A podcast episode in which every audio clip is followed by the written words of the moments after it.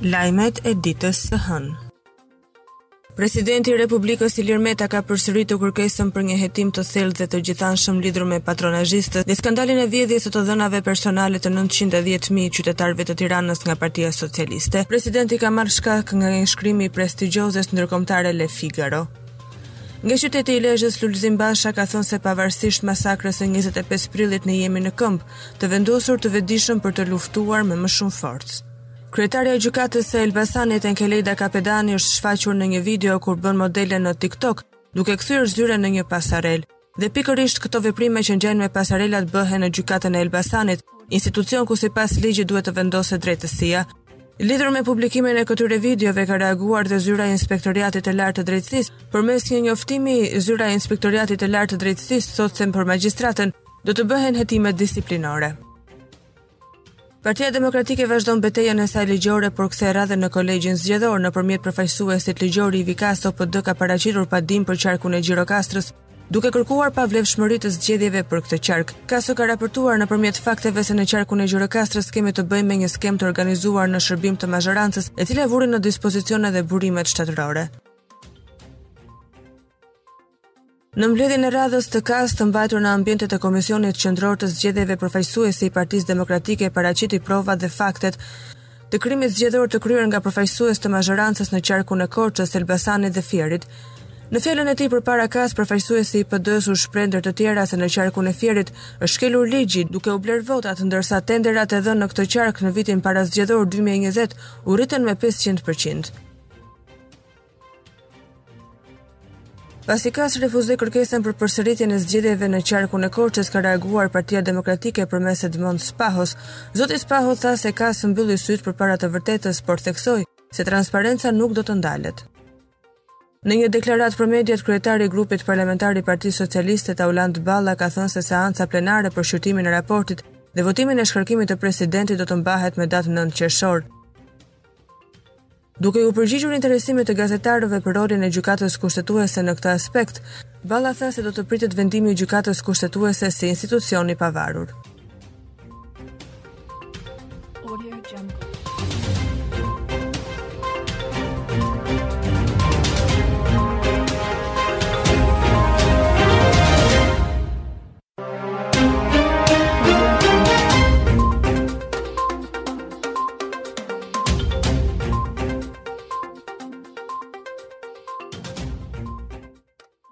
Lajmet e ditës së martë. Një qershori festa e fëmijëve është shënuar me një incident në Pediatrinë e Tiranës që për pak ka rrezikuar edhe jetë. Siç mund ta shikoni dhe në fotot e publikuara nga deputetja e zgjedhur e PD-së Ina Zhupa, një pjesë e suvasë është shkëputur nga tavani në njërën nga dhomat e repartit të pneumologjisë. Kushtet e spitaleve skandaloze të shëndetësisë rrezikuan edhe jetën e fëmijëve. Tani në spitalin e pediatrisë sapo u plagos një fëmijë nga rënia e tavanit, denoncoi Zhupa në Facebook, Zhupa kërkon hetimin për ngjarjen dhe vënien para drejtësisë të atyre që rrezikojnë jetën e fëmijëve, pikërisht në vendin ku duhet të shpëtojnë jetën dhe shëndetin. Suvaja u ka rënë sipër dy djemve të moshës pediatrike që ishin të shtruar në këtë dhomë, të cilët kanë marrë dëmtime të lehta. Menjëherë personeli mjekësor ka ekzaminuar dy pacientët e vegjël që ndodheshin në dhomë dhe gjendja e tyre aktualisht paraqitet e mirë dhe pa dëmtime. Një grup Ekspertësh nga Drejtoria e Shërbimeve Mbështetëse në QSUT po kryen një vlerësim teknik për shkaqet e incidentit për marrjen e masave të menjëhershme. Godina e pediatrisë ka qenë e dëmtuar nga tërmeti i njëzet e gjashtë nëntorit dy mijë e nëntëmbëdhjetë dhe janë bërë reparime. QSUT ka reaguar lidhur me incidentin e regjistruar sot në Spitalin Pediatrik të Tiranës. Në një deklaratë për mediat, QSUT thotë se një incident ka ndodhur sot paradite në Shërbimin e Pediatrisë së Specialiteteve një në QSUNT.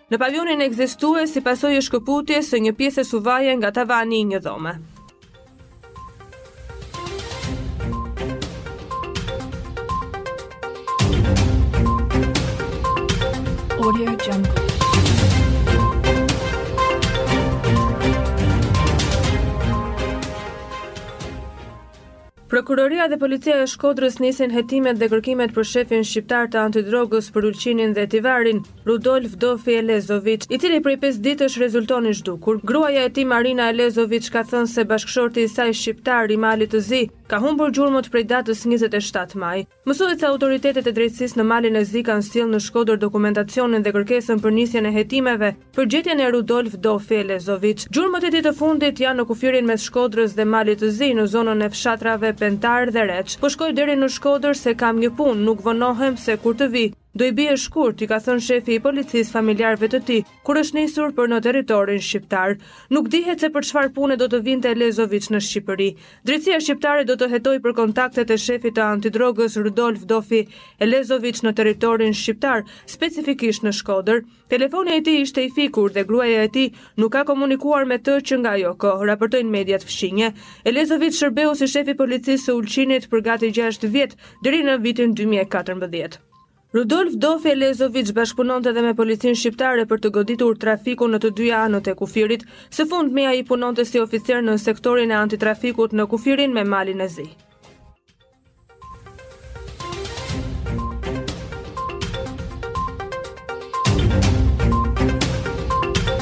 Audio Jungle.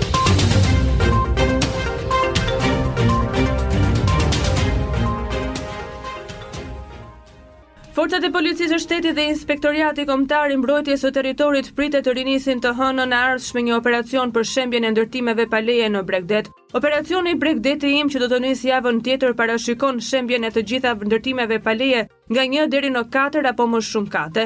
Kryeministri Edi Rama është shfaqur krah kryeministrit të Brendshëm Blendi Çuçi, drejtorit të kadastrës Artan Lame dhe kreut të policisë Ardi Veliu, teksa ka paralajmëruar ndërtuesit. Rama i ka dhënë atyre një javë kohë të nisin vetë shembjen e ndërtimeve pa leje, në të kundërt do të përballen me përgjegjësi të rënda që parashikon ligji.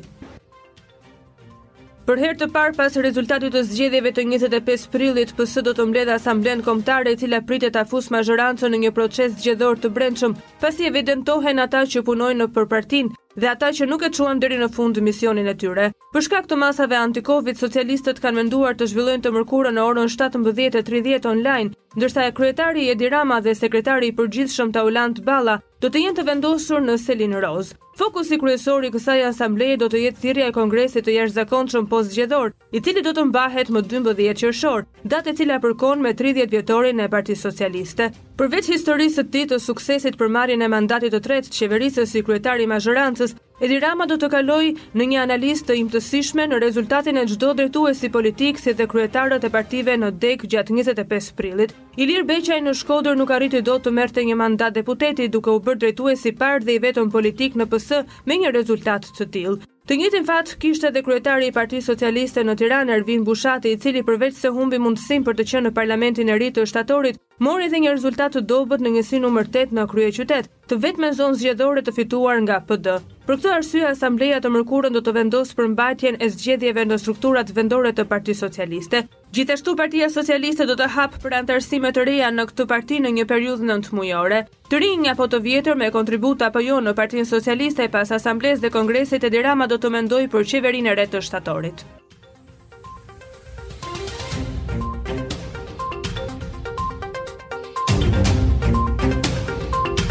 Audio Jungle.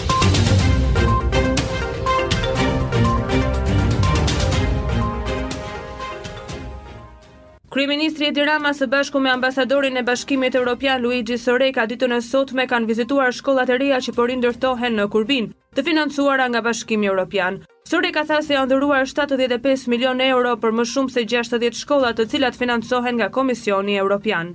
Ndërsa kryeministri Rama tha se shkollat e reja janë me të gjitha standardet evropiane. Kolegji zgjedhor nuk mendon se Partia Demokratike dhe LSI kanë prova të mjaftueshme për të shpallur të pavlefshëm rezultatin e njëzet e pesë prillit në Vlorë. Ashtu si me Gjirokastrën trupa gjyqësore vendosi për të rrëzuar kërkesën e opozitës për të përsëritur zgjedhjet në qarkun e Vlorës, duke lënë të pandryshueshëm shpërndarjen e mandateve, tetë për Partinë Socialiste e katër për Partinë Demokratike, ndërsa LSI pa asnjë deputet. Në një prononcim për mediat pas seancës përfaqësuesi ligjor i Partisë Demokratike Ivi Kaso e cilësoi një shans të humbur. Pavarësisht se vendimi i Kolegjit nuk e legjitimoi akuzën e Partisë Demokratike për masakër zgjedhore në Gjirokastër dhe Vlorë, opozita nuk do të ndalet që t'i shkojë deri në fund betejës në gjykatën për shtatë qarqet e tjera. Rritja e numrit të aksidenteve rrugore ka bërë që policia të ndërmarrë masa shtesë, por edhe të rrepta për të gjithë drejtuesit të cilët nuk kanë respektuar rregullat e qarkullimit rrugor. Të dhënat e policisë tregojnë se përgjatë muajit maj janë proceduar penalisht njëqind e dyzet e pesë drejtues mjetesh apo motomjetesh, nga të cilët nëntëdhjetë e pesë për drejtim mjeti pa leje dhe pesëdhjetë për drejtim mjeti në gjendje të dehur. Po ashtu janë pezulluar shtatëqind e trembëdhjetë leje drejtimi nga të cilat katërqind e gjashtëmbëdhjetë për shpejtësi tej normave të lejuara, njëqind e pesëdhjetë e një për drejtim mjeti nën efektin e alkoolit, ndërkohë janë sekuestruar në cilësinë e provës materiale dy automjete të dyshuara si të vjedhura jashtë vendit.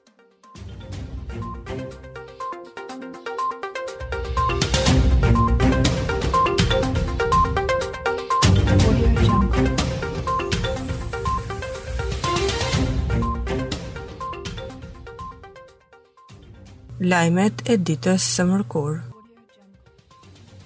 Me rastin e shtatëdhjetë e pesë vjetorit të shpalljes së Republikës Parlamentare Italiane, presidenti Ilir Meta ka uruar homologun e tij Sergio Mattarella. Meta shprehet i lumtur për marrëdhëniet e shkëlqyera historike dhe shumëdimensionale midis Shqipërisë dhe Italisë. Në postimin e tij, kreu i shtetit shkruan se edhe në rrethana shumë të vështira për të gjithë botën, të shkaktuara nga pandemia COVID-19, të dy vendet dhe popujt dëshmuan edhe një herë dashurinë, solidaritetin dhe miqësinë e tyre vëllazërore. Me rastin e festës së Republikës Italiane, një aktivitet është organizuar nga Ambasada e Italisë në Tiranë dhe nga Bashkia e Tiranës. Me këtë rast është bërë dhe përurimi zyrtar i pllakatës së sheshit Italia. Këshilli i Lartë Gjyqësor ka përfshirë në rendin e ditës çështjen e gjyqtares së Elbasanit Enkelida Kapedani, e cila u bë virale në rrjetet sociale pas disa videove që ajo kishte publikuar në TikTok.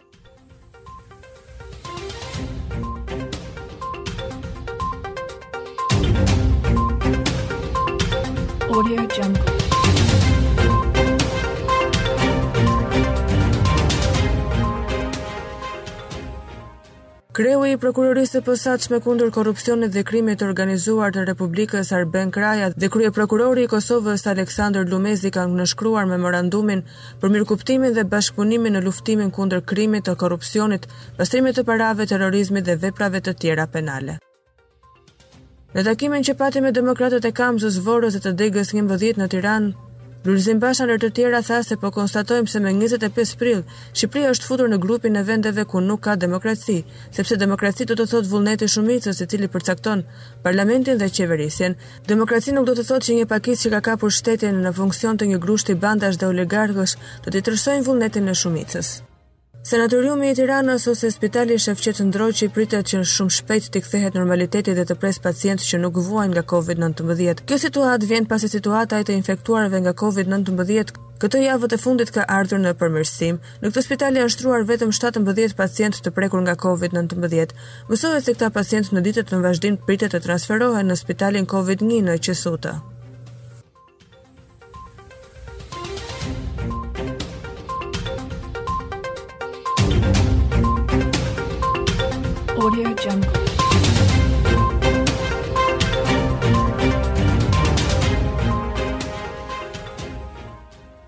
Lajmet e ditës së enjte. Një tjetër vrasje mafioze është regjistruar pak para mesnate në qytetin e Vlorës. Dyzet e dy vjeçari Shkëlzen Velaj u qëllua me kallashnikov në hyrje të pallatit ku banonte nga të paktën dy persona, të cilët pak minuta më vonë dogjën makinën e përdorur në krim. Një ngjarje e rëndë ka tronditur këtë herë qytetin e Lushnjes. Për motive të dobëta raportohet se pesëdhjetë e shtatë vjeçari Sofokli Shani ka ekzekutuar me armë zjarri tip Kallashnikov gjashtëdhjetë e dy vjeçarin Roko Qorri. Plumbat kanë prekur edhe djalin e viktimës, tridhjetë e një vjeçarin Kejdi Qorri, i cili është dërguar menjëherë në spitalin e qytetit ku ndodhet nën kujdesin e mjekëve. Pirro Mani, aktor dhe regjizor i njohur i kinematografisë shqiptare është ndarë sot nga jeta në moshën tetëdhjetë e nëntë vjeçare. Ai ka mbyllur sytë përgjithmonë në Amerikë, atje ku jetonte prej vitesh. Një ngjarje e rëndë ka ndodhur mëngjesin e sotëm në Fier, ku është shembur ura në Darëzezë të Fierit. Bëhet me dije se në momentin që është shembur ura mbi të ka qenë një mjet i tonazhit të rëndë. Dyshohet se ura e amortizuar është shembur nga pesha e mjetit. Si pasojë e këtij incidenti, ka mbetur i plagosur shoferi i mjetit. Personi i plagosur është dërguar menjëherë në spital dhe ndodhet nën kujdesin e mjekëve. Sot është zhvilluar provimi i parë i maturës shtetërore dy mijë e njëzet e një, ai i gjuhës së huaj. Tridhjetë e katër mijë maturantë iu nënshtruan këtij testi. Si dhe vitet e tjera, provimi nisi në orën dhjetë dhe ka zgjatur rreth Dy orë e tridhjetë minuta, maturantët iu nënshtruan provimit duke respektuar masat anti-Covid. Mjekët e spitalit të Fierit ndihen të kërcënuar dhe të shantazhuar nga familjarët e një pacienti. Ky rast ka bërë që ata për herë të dytë të protestojnë, ndërsa thonë se puna është bërë tepër e vështirë për ta. Në Gjykatën Kushtetuese është mbajtur sot seanca e parë për paditë e depozituara nga presidenti Ilir Meta për shembjen e teatrit. Si palë në këtë seancë ishte Aleanca për Teatrin. Ajo kërkon që kryeministri Edi Rama dhe zëvendëskryeministri Erion Braçe të thirren në cilësinë e dëshmitarëve.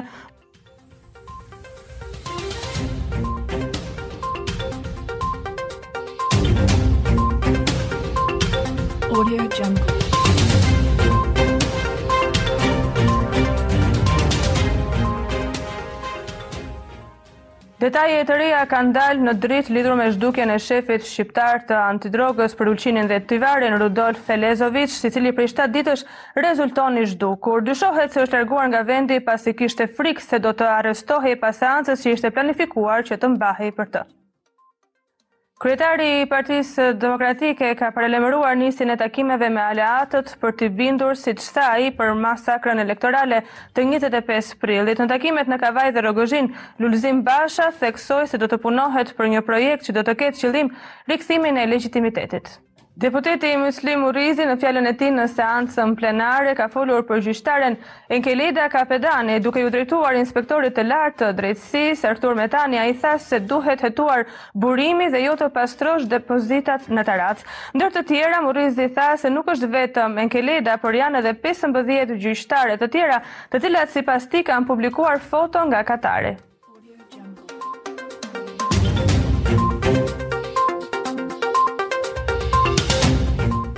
Lajmet e ditës së premte. Presidenti Ilir Meta ka vizituar manastirin e Shën Joan Vladimirit në Elbasan. Gjatë një deklarate për mediat, Meta u është përgjigjur gazetarëve në lidhje me shkarkimin e tij, duke thënë se lutja e vetme që ka bërë është që Zoti t'i falë të gjithë ata, të cilët nuk dinë se çfarë po bëjnë. Nga qyteti i Shkodrës, ambasadorja e Holandës në Shqipëri, Altes, ka komentuar nga Shkodra procesin e anëtarësimit të Shqipërisë në Bashkimin Evropian. E pyetur nga gazetarët për skepticizmin e Holandës, ambasadorja nuk ka dashur të japë më shumë komente rreth kësaj çështje. Ajo tha se Holanda po studion raportin që i ka dërguar Këshilli i Evropës vendeve anëtare. Në një postim në rrjetet sociale, ambasadorja e Shteteve të Bashkuara të Amerikës, Yuri Kim, shkruan se presidenti Biden vendosi zyrtarisht luftimin e korrupsionit si një interes thelbësor i sigurisë kombëtare të SHBA-s. Prandaj qeveria e SHBA-s do të ndërmarrë më shumë hapa për të kërkuar llogari ndaj individëve të korruptuar, organizatave kriminale transnacionale dhe të tjerëve, Hapat do të përfshijnë forcimin dhe ndërtimin e sanksioneve antikorrupsion të synuara, forcimin e veprimit të zbatimit të ligjit dhe rritjen e mbështetjes për shoqërinë. Një ngjarje e rëndë ka goditur kryeqytetin e Tiranës ditën e sotme. Autori i vrasjes së ish-dhëndrit të tij është Mexhit Picari, efektiv i policisë që ruante objektet e rëndësishme dhe të veçanta. Kryepolici i Tiranës Rebani Jaupi ka dhënë lajmin se Mexhit Picari është arrestuar nga policia. Më tej ai ka treguar se viktima Kudret Saliaj kishte kërkuar divorc nga bashkëshortja e tij, pasi kjo e fundit ka qenë arrestuar edhe për dhunë në familje. Viktima ka patur një proces të gjatë divorci me bashkëshorten e tij. Ajo ka qenë arrestuar për dhunë në familje. Gjatë kësaj ngjarje është plagosur dhe avokati i tij, tha Jaupi.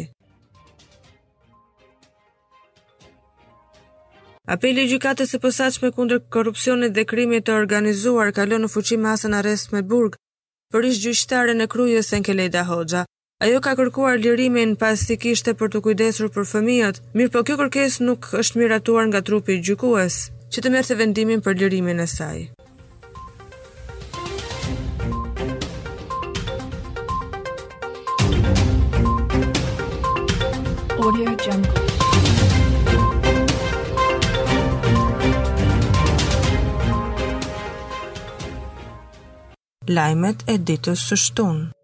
Manushaqe Picari bashkëshortja e Mexhit Picarit i cili vrau ish dhëndrin Kudret Saliaj ka folur mes lotësh, ku tha se ish dhëndri ka qenë i dhunshëm dhe se gjithmonë e ka rrahur vajzën e saj.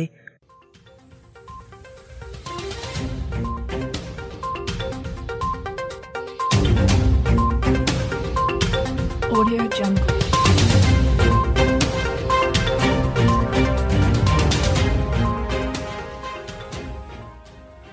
Zbulohet roli i Dhurata Saliajt në vrasjen e ish-bashkëshortit të saj, Kudret Saliaj. Sipas burimeve të policisë, bëhet me dije se Dhurata ka qenë në lokalin ku ka ndodhur vrasja. Hetuesit thonë se ajo ka qenë në rolin e vëzhgueses duke informuar babanë e saj për lëvizjet e viktimës.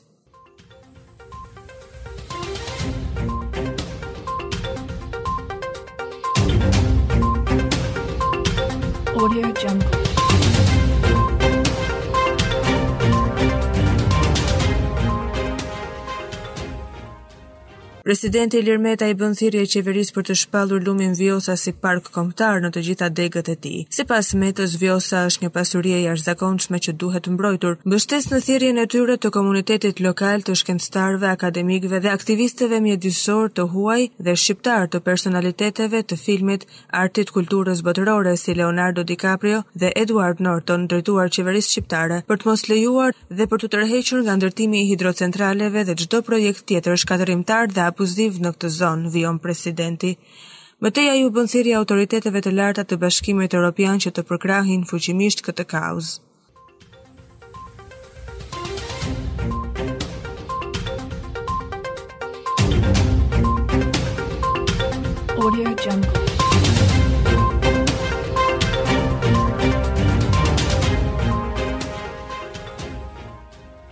Kryeministri Edi Rama ka dhënë një intervistë për Bild, median gjermane e cila publikoi përgjimet e shitblerjes së votave në Dibër. Fokusi i intervistës së kryeministrit shqiptar ka qenë procesi i integrimit në Bashkimin Europian. Sipas tij, krerët e Bashkimit Europian kanë bërë disa herë premtime për anëtarësimin e vendeve të Ballkanit Perëndimor në BE, por nuk i kanë mbajtur ato.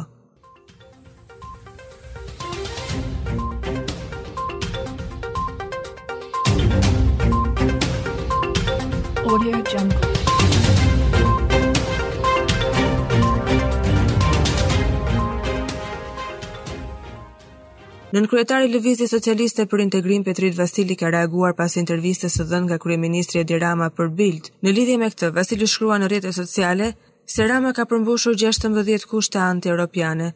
Ai në postimin e tij ka renditur edhe 16 kushtet anti-europiane, teksa shkruan se këto kushte mund të radhojnë në ndonjë sekt anti-kombëtar.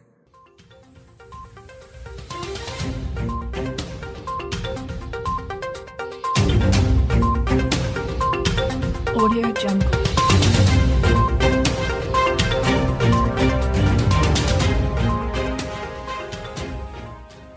Lulzim Basha jo vetëm nuk i njeh zgjedhjet e 25 prillit, por thotë se do të përdorë çdo instrument në betejën për atë që quan regjimi Ramadoshi. Në një takim me demokratët në qarkun e Durrësit, Basha kërkoi mbështetjen.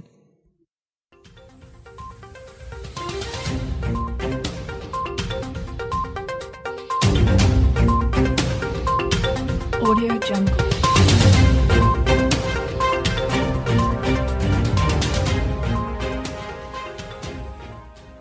Lajmet e ditës së diel. Kreu i Partisë Demokratike Lulzim Basha ditën e diel ka zhvilluar një takim me demokratët në Elbasan, Librazhd, Gramsh dhe Cerrik. Në kuadër të fushatës për zgjedhjen e kreut të Partisë Demokratike, Basha në fjalën e tij edhe një herë ka refuzuar dorën e shtrirë nga Partia Socialiste, pasi është dora e shtrirë e autorit të masakrës zgjedhore.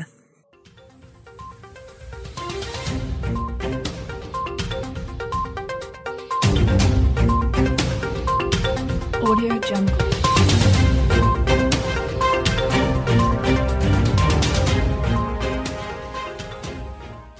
Duke marrë fjalën në konferencën e Lidhjes Demokratike të Gruas Shqiptare, Albana Vokshi midis të tjera është ka dënuar vendimin e marrë nga parlamenti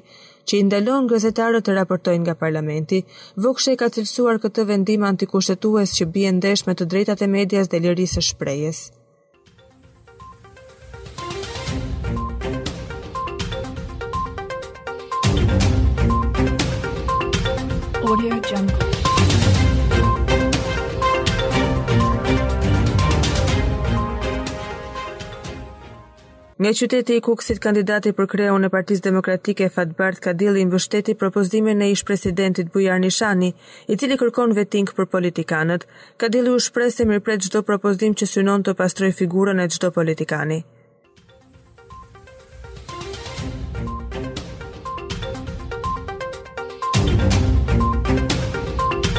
Audio Jungle.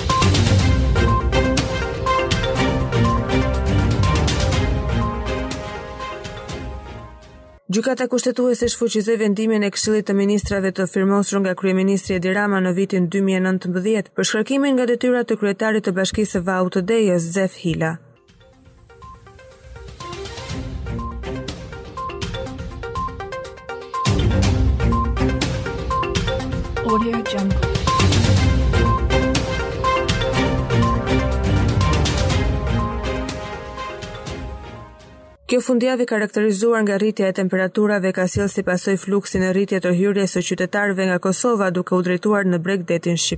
Tar, vetëm gjatë ditës së premte dhe të shtunë në pikën e kalimit kufitar të Morinës nga Kosova për në Shqipëri kanë kaluar 41146 persona dhe rreth 12000 automjete.